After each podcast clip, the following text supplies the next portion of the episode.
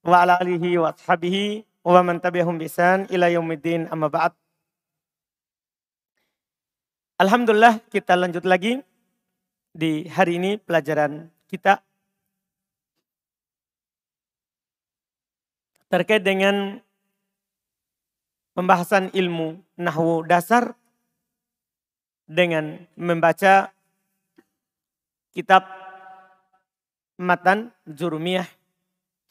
Pelajaran kita hari ini kita ambil lagi dua dari isim mansub insya Allah. Kita ambil dua dari isim yang mansub. Dan dilihat dari waktu nanti. Ya, semoga bisa dibaca semuanya dua itu. Dan dua ini pelajaran mudah sekali insya Allah. Tidak sulit. Tidak sulit. Pelajaran kita hari ini adalah mansub yang ketiga sama mansub yang keempat. Mansub yang ketiga adalah ya al-maf'ul fi fihi. Ya, dengan al-halu. Iya. Ini pelajaran mudah sekali. Dua ini. Mudah sekali. Maf'ul fi. Ini maf'ul fi. Dia adalah mereka sebutkan isim mansub otomatis ya. Maf'ul fi, maf'ul fi itu namanya maf'ul fi harus isim. Paham kan? Dan dia adalah mansub. Dipastikan kan dia di bab man, mansub. Karena dia di bab mansub. Ini pengertiannya sama dengan maf'ul bi, sama dengan maf'ul mut, mutlak. Yang membedakan dia dengan maf'ul bi sama maf'ul mutlak setelah dua kata ini. Setelah dua kata ini. Mereka katakan dia adalah libayani ya oh, eh, kita masukkan dulu satu supaya langsung eh, terjemahannya nanti kita masukkan dulu satu ketentuan supaya nanti antum terjemahannya langsung pas. Bitakdiri, bitakdiri, bitakdiri makna fi. Ini nanti tambahan dalam terjemahan. Iya. Terus mereka katakan libayani. Libayani makan al-fi'il au ya au zamanihi. Ini ketentuan pertama, ini ketentuan kedua, ini ketentuan ketiga, ini ketentuan keempat. Jadi kalau antum paham empat ketentuan ini, maka antum akan paham yang namanya maf'ul fih. Maf'ul fi adalah isim. Harus isim. Bukan huruf, bukan fi'il. Mansub, bukan marfu, bukan maja, majrur. Bitakdiri makna fi. Dengan mentakdirkan dalam terjemahannya arti fi. Fi ini tergantung nanti. Kalau dia menunjukkan tempat, maka terjemahkan ya dengan di. Kalau dia menunjukkan atas waktu, terjemahkan maknanya pada. Karena dia ini, maf'ul fi ini bisa menunjukkan waktu atau tempat. Sebentar dalam pengertiannya. Kalau katanya menunjukkan tempat, terjemahkan di. Kalau katanya menunjukkan waktu, terjemahkan apa? Pak? Pada. Dengan ditakdirkan dalam terjemahannya arti fi. Bukan lafadznya, maknanya saja. Maknanya fi. Terus tujuannya ini. Li untuk bayan menjelaskan. Maka nul fi'il tempat terjadinya perbuatan. Au zamanihi atau waktunya. Kalau ada kata menunjukkan atas tempat terjadinya sesuatu atau waktu terjadinya, maka itu disebut maf'ul fih disebut maf'ulun fi. Kata yang menunjukkan atas tempat namanya dorful makan. Paham? Kata yang menunjukkan atas waktu namanya dorfu az-zaman. Ini saja. Iya. Saya ulangi. Mapulpi adalah isim mansub yang ditakdirkan padanya terjemahan makna fi. Makna apa? Fi. Dia didatangkan untuk menjelaskan tempat terjadinya perbuatan au atau waktu terjadinya perbuatan. Tempat terjadinya perbuatan dinamakan dorpul makan. Waktu terjadinya perbuatan dinamakan apa? Dorpu zaman. Dorpu zaman. Contoh. Iya. Zaidun amama al-bait. Ya. Zaidun amama al-bait.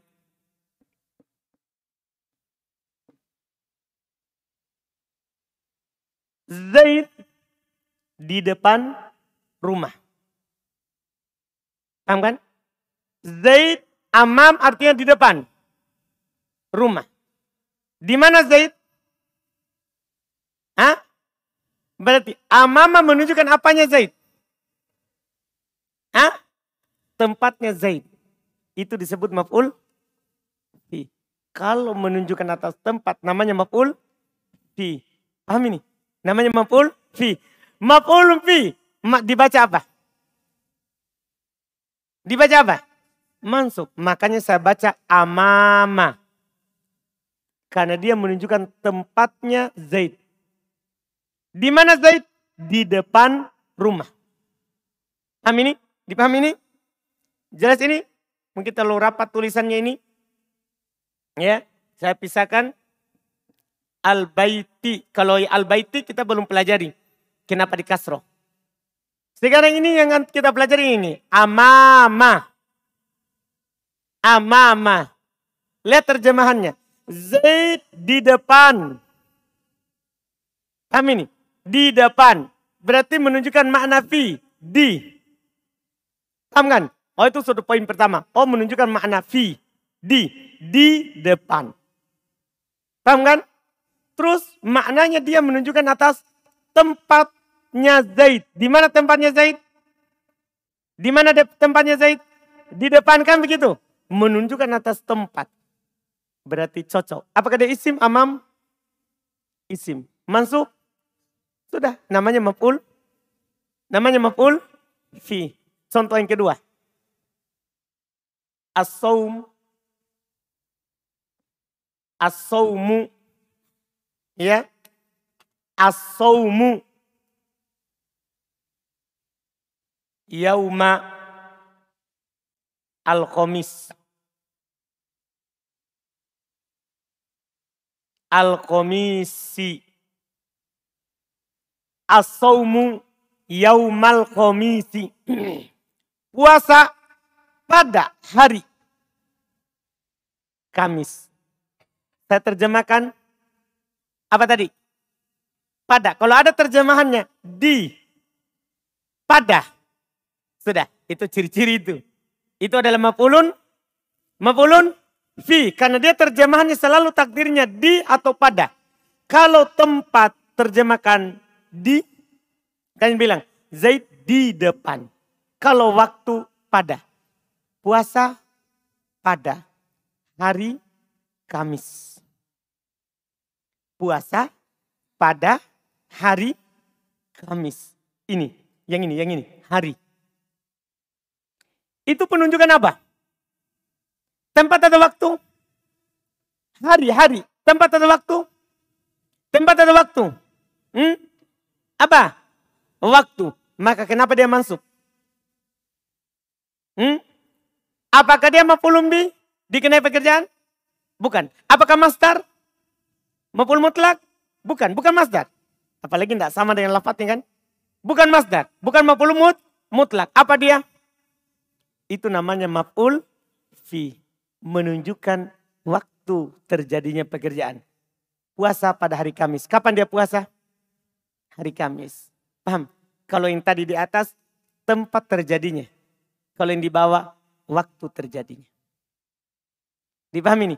Ini yang di atas namanya dorpul makan. Yang di bawah namanya dorpul zaman. Paham ini?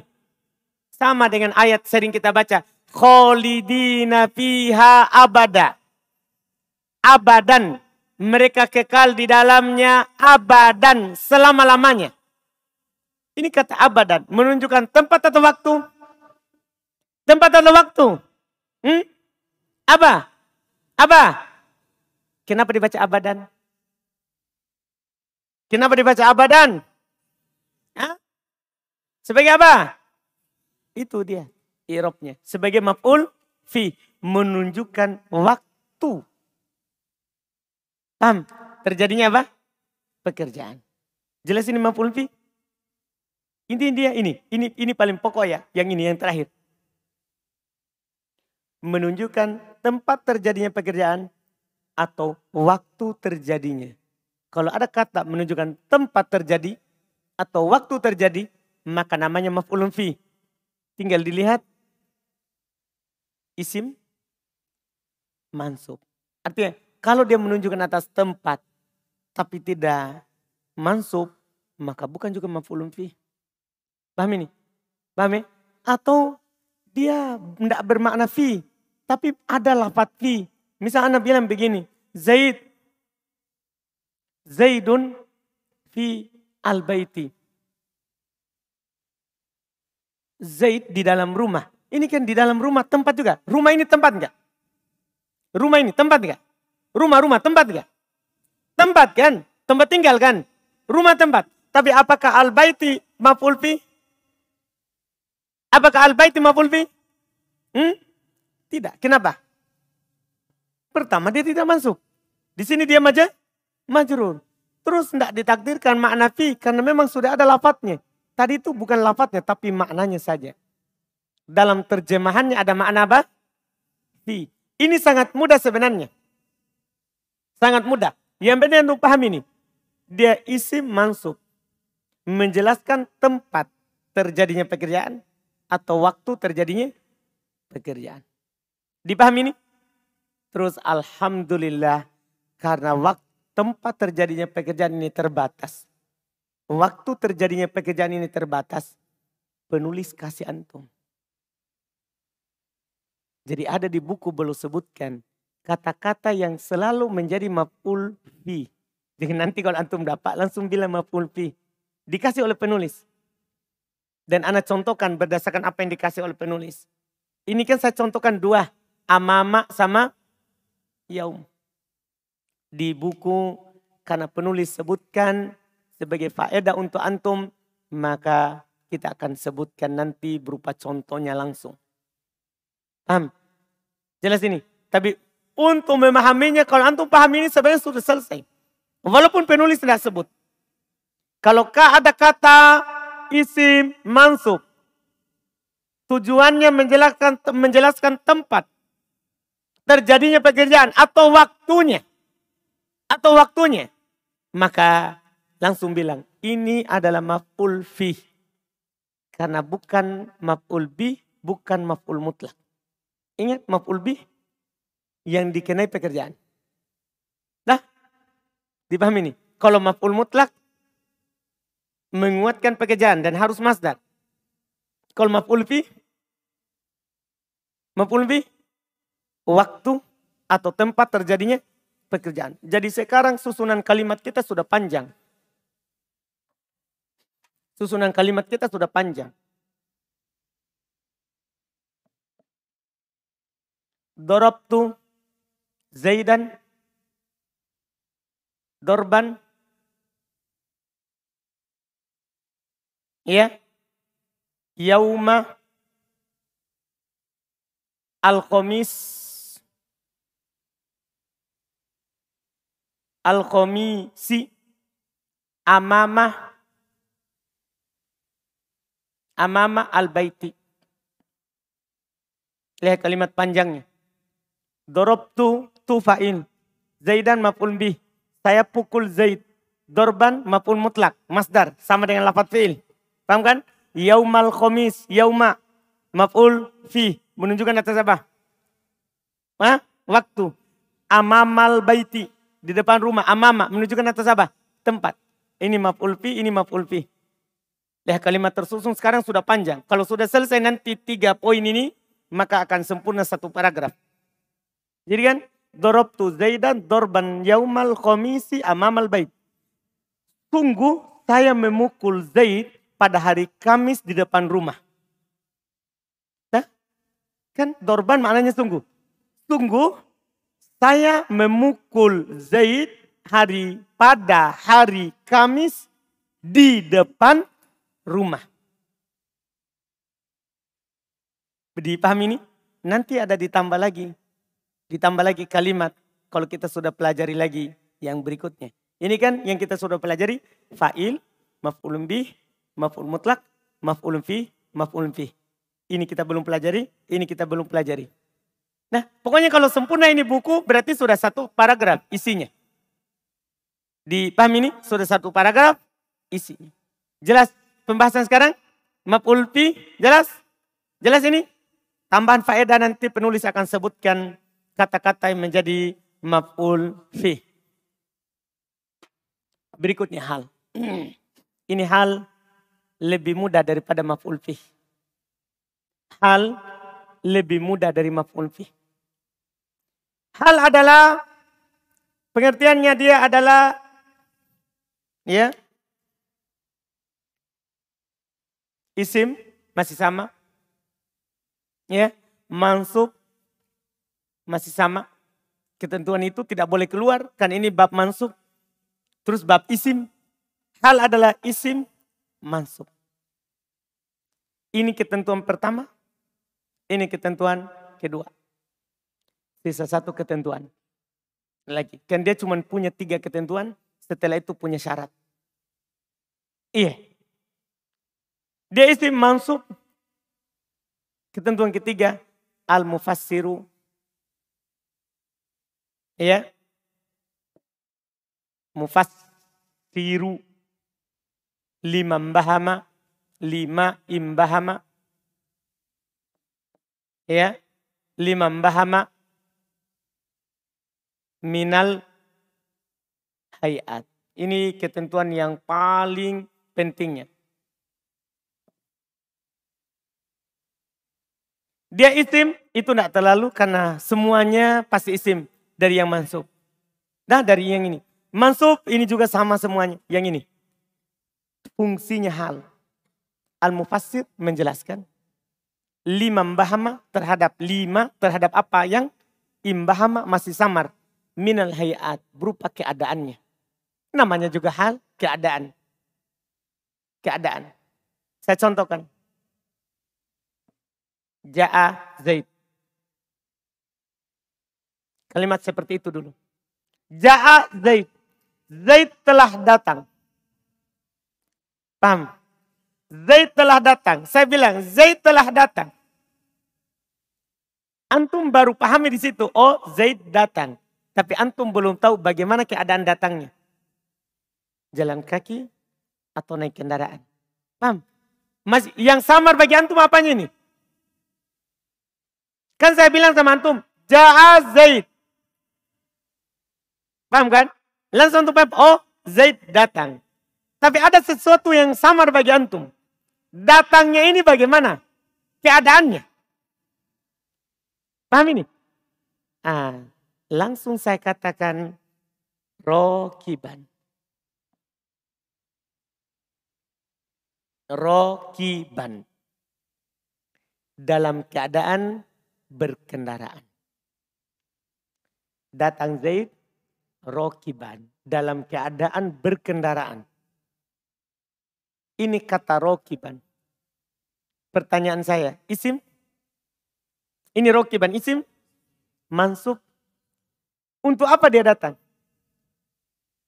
Itu dijawab oleh ini. Untuk apa dia datang? Hmm. Untuk apa ini? Ini rokiban. Untuk menjelaskan bagaimana keadaannya apa? Zaid ketika dia datang. Jelas ini? Kalau ada kata menjelaskan keadaan kata sebelumnya, maka disebut hal. Bukan dia yang dikenai pekerjaan. Bukan dia masdar. Paham? Karena rokiban pasti bukan masdar. Ini rokiban apa? Isim fa? Fa'il secara tasrif. Bukan masdar. Dia bukan kata menunjukkan atas tempat atau waktu. Paham? Bukan. Kan ini artinya berkendara. Apakah tempat? Bukan. Waktu? Bukan. Berarti bukan maf'ul bi, bukan maf'ul mutlak, bukan maf'ul fi. Sekarang apa? Ini menjelaskan keadaan. Berarti siapa dia? Siapa dia? Hal. Namanya hal harus isim, pas, dan antum harus baca mansub. Antum harus baca apa? Mansub. Paham hal ini? Paham hal ini? Paham ini? Sama dengan ini tidak harus nanti keadaan fa'il ya. Tidak harus keadaan fa'il. Jangan tum anggap seperti maf'ulumbi yang harus ada fi'il pak, fa'il. Tidak harus. Dia bahkan bisa datang menjelaskan keadaan maf'ul bi. Misal antum anak katakan begini ya. Rokibtu al-farosa Saya menaiki kuda. Sampai situ dulu. Saya menaiki itu kan saya. Rokiba menaiki. Ya, alfarosa, kuda. Saya menaiki ku, kuda. Itu kalimat. Ketika antum dengar, untuk sementara jelas nggak? Saya naik kuda. Itu kan jelas kan? Saya naik ku, kuda. Tapi ada sesuatu yang belum jelas di sini dari sisi lain. Maksudnya itu kuda saya naiki gimana keadaannya? Gimana keadaannya? Langsung saya bilang setelahnya, ya.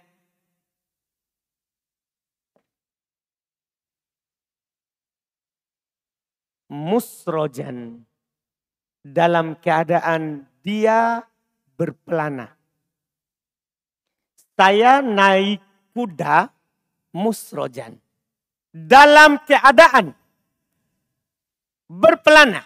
Terjemahkan, dalam keadaan Tambahkan kata dalam keadaan berpelana.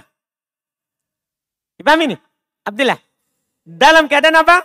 Berpelana. Ini kata dalam keadaan berpelana. Menjelaskan keadaan kuda saat saya naik. Kuda itu saat saya naik dia berpelana. Kuda itu saya naik dalam keadaan apa? Dia berpelana. Berarti ini kata musrojan. Paham kan? menjelaskan yang masih samar berupa keadaan sebelumnya. Kalimat yang sebelumnya. Dipahami ini? Nah, kata yang menjelaskan keadaan disebut dengan istilah apa? Disebut dengan istilah apa? Hal. Dipahami ini? Untuk sementara. Paham itu? Hmm? Siapa enggak paham? Yang sampai di situ. Pertama dia isim, kedua mansub. Datang menjelaskan keadaan yang samar sebelumnya. Hmm. Syukur. Paham? Abdullah. Hmm? Hmm? Kurang paham. Baik, Alhamdulillah. Jadi pertama pahami dulu hal. Hal itu untuk menambah pemahamannya Abdullah, hal itu artinya keadaan. Nah, makanya ketika dibilang kaib haluk, bagaimana keadaanmu? Karena hal bermana apa? Keadaan. Dah, itu secara bahasa. Secara istilah, hal itu Abdullah harus isim. Kalau kata menjadi hal, harus isim. Paham kan? Yang kedua Abdullah harus mansub. Isim yang menjadi hal harus apa? Mansub. Yang ketiga Abdullah dia itu sengaja didatangkan untuk menjelaskan keadaan. Kata sebelumnya. Misalnya gini. Ja'az Zaid. Zaid ini yang mau kita jelaskan. Zaid. Datang Zaid. Antum bertanya, bagaimana datangnya? Saya jawab, rokiban. Berarti kan ada pertanyaan dari antum. Bagaimana Zaid datang? Saya jawab. Berarti kan samar bagi antum itu datangnya. Zaid, betul nggak? Kan antum tanya. Berarti sah, samar bagi antum Abdillah. Paham Abdillah? Saya bilang begini Abdillah. Jahat Zaid. Zaid datang. Langsung antum bertanya sama saya. Bagaimana datangnya? Kenapa antum bertanya? Nah, jawabannya karena terjadi apa? Kesamaran. Antum tidak tahu bagaimana datangnya. Pam, Jelas? Datang hal untuk menjelaskan yang samar tadi bagi antum. Rokiban, langsung jelas. Datang Zaid dalam keadaan berkendara. Jelas itu Abdillah langsung jelas? Ketika anda tambahkan rokiban, langsung jelas? Contoh yang kedua Abdillah, saya bilang, Rokitul Farosa. Saya naik kuda, saya naik kuda, tapi antum bertanya, kudanya dalam keadaan apa? Kamu naiki. Ini pertanyaan muncul karena kata rokitul farosa samar keadaannya. Paham bilang? Nah, ini pertanyaan muncul kenapa? Karena sa samar. Saya langsung bilang musrojan. Berpelana. Tahu pelana Abdillah? Jangan-jangan ini tidak tahu karena pelana tidak tahu. Tahu pelana Abdillah? Hmm? Nah, itu masalah. Iya. Karena harus ditahu ini makna pelana. Tidak pernah lihat kuda Abdillah? Pernah. Hmm? Pernah lihat orang naik kuda? Pernah. Kalau orang duduk di atas kuda, apakah ada sesuatu yang di atas punggungnya kuda? Ada. Itu namanya apa? Itulah pelana. Iya, bukan celana. Apa maksudnya? Itu pelana itu sesuatu yang diletakkan di atas punggung kuda untuk duduk. Di atasnya. Paham? Ah, sekarang saya naik kuda dalam keadaan kudanya berpelana, bukan bercelana. Dan sampai dari tadi dia pikirkan celana. Berpelana. Paham berarti? Paham enggak? Yakin? Ah, kata musrojan, kata rokiban. Ini sebagai apa Abdillah?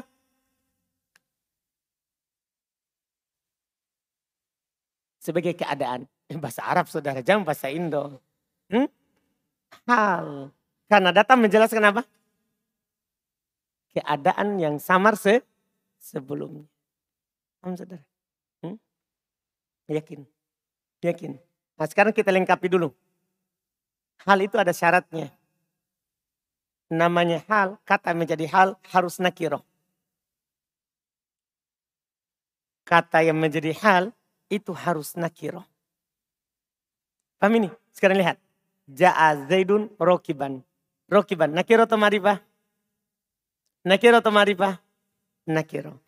Rokibtul farosa musrojan. Musrojan. Nakiro atau marifah? Nakiro atau marifah? Nakiro. Dipahami? namanya hal harus nakiro. Terus syarat kedua untuk hal. Hal itu saudara tidak datang kecuali setelah kalimat yang sempurna. Maksudnya apa? Fiil sudah ada dulu failnya. Baru boleh ada hal. Tidak boleh tiba-tiba hal begitu. Tiba-tiba Abdillah bilang musrojan. Pokoknya langsung dia bilang ke Sapri, musrojan. Nah, langsung dia bilang ke Sapri, Sapri, Sapri, rokiban. Paham? Tiba-tiba begitu. Tiba-tiba langsung datang musrojan. Tiba-tiba langsung datang rokiban. Tidak boleh. Harus sudah sempurna kalimat sebelumnya. Dia itu datang setelah fiil ada failnya. Paham gak nih? Kalau fiilnya, ini kan fiil lazim. Kalau fiilnya mutaaddi, fiil ada fail, sudah ada maf'ulun. Mbinya, baru ada apa? Fa, fa'il. Jadi dia kalimatnya sudah sempurna, baru boleh datang apa? Baru boleh datang apa? Hal. Paham syarat itu? Itu untuk hal. Terus terakhir kata yang mau dijelaskan keadaannya itu harus ma'rifah. Yang mau antum jelaskan keadaannya itu harus ma'rifah. Sekarang lihat. Yang jadi ada ini rokiban disebut hal. Kata yang dijelaskan keadaannya itu disebut sohib. Sohib al-hal. Pemilik keadaan. Misalnya ini. Ja'a Zaidun rokiban. Mana hal? Mana hal? Mana yang dijelaskan keadaannya? Hah?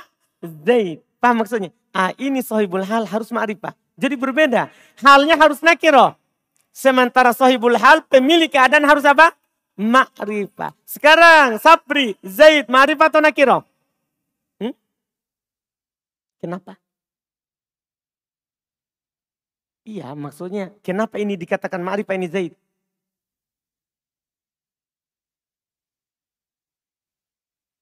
Eh, setelahnya nakiro. Jadi tidak gini. Ini Zaid. Kenapa dia ma'rifah? Apa dia? Kenapa antum katakan ini Zaid ma'rifah? Tahu enggak paham pertanyaan saya? Bukan itu jawabannya. Abdullah, Zaid, ma'rifah atau nakiro? Kenapa? Kenapa antum bisa katakan Zaid ini ma'rifah? Apa dia? Karena khusus.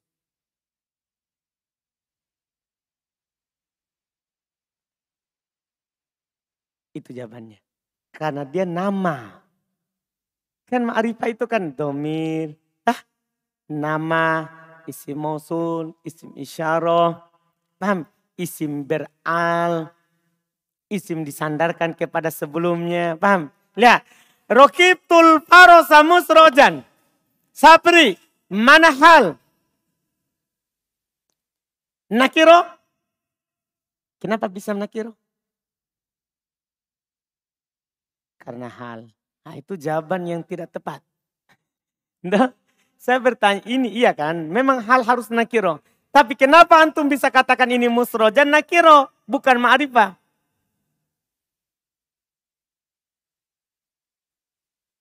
Apa kira-kira jawabannya antum?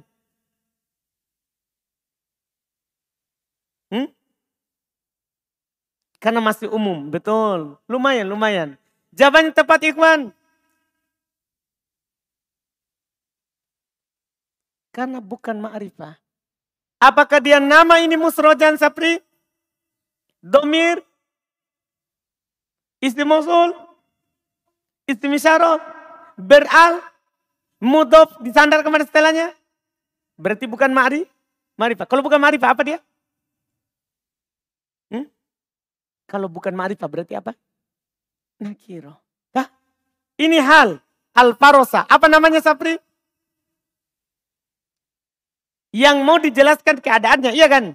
Betul. Yang disebut dalam bahasa Arab. Sohibul hal.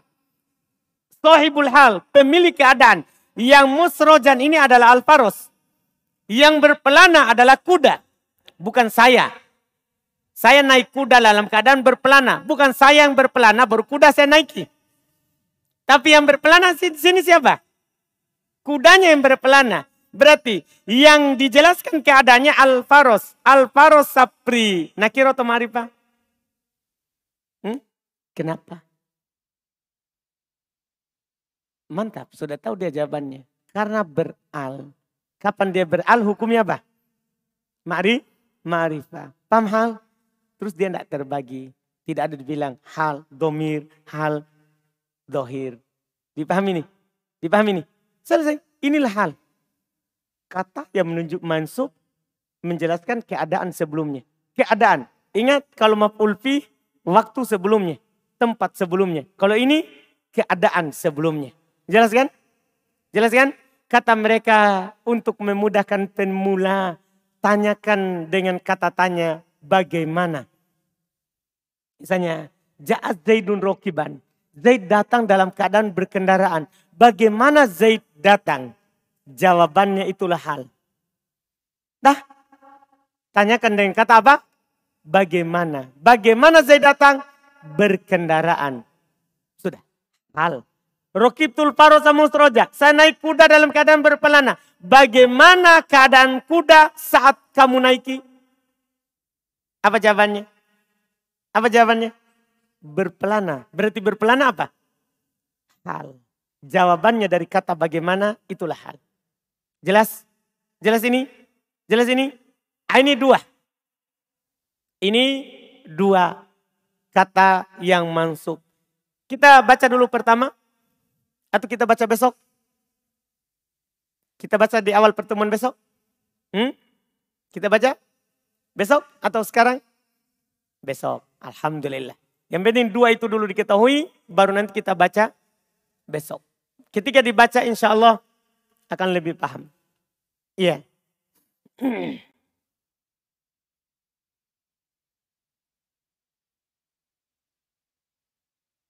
Alhamdulillah.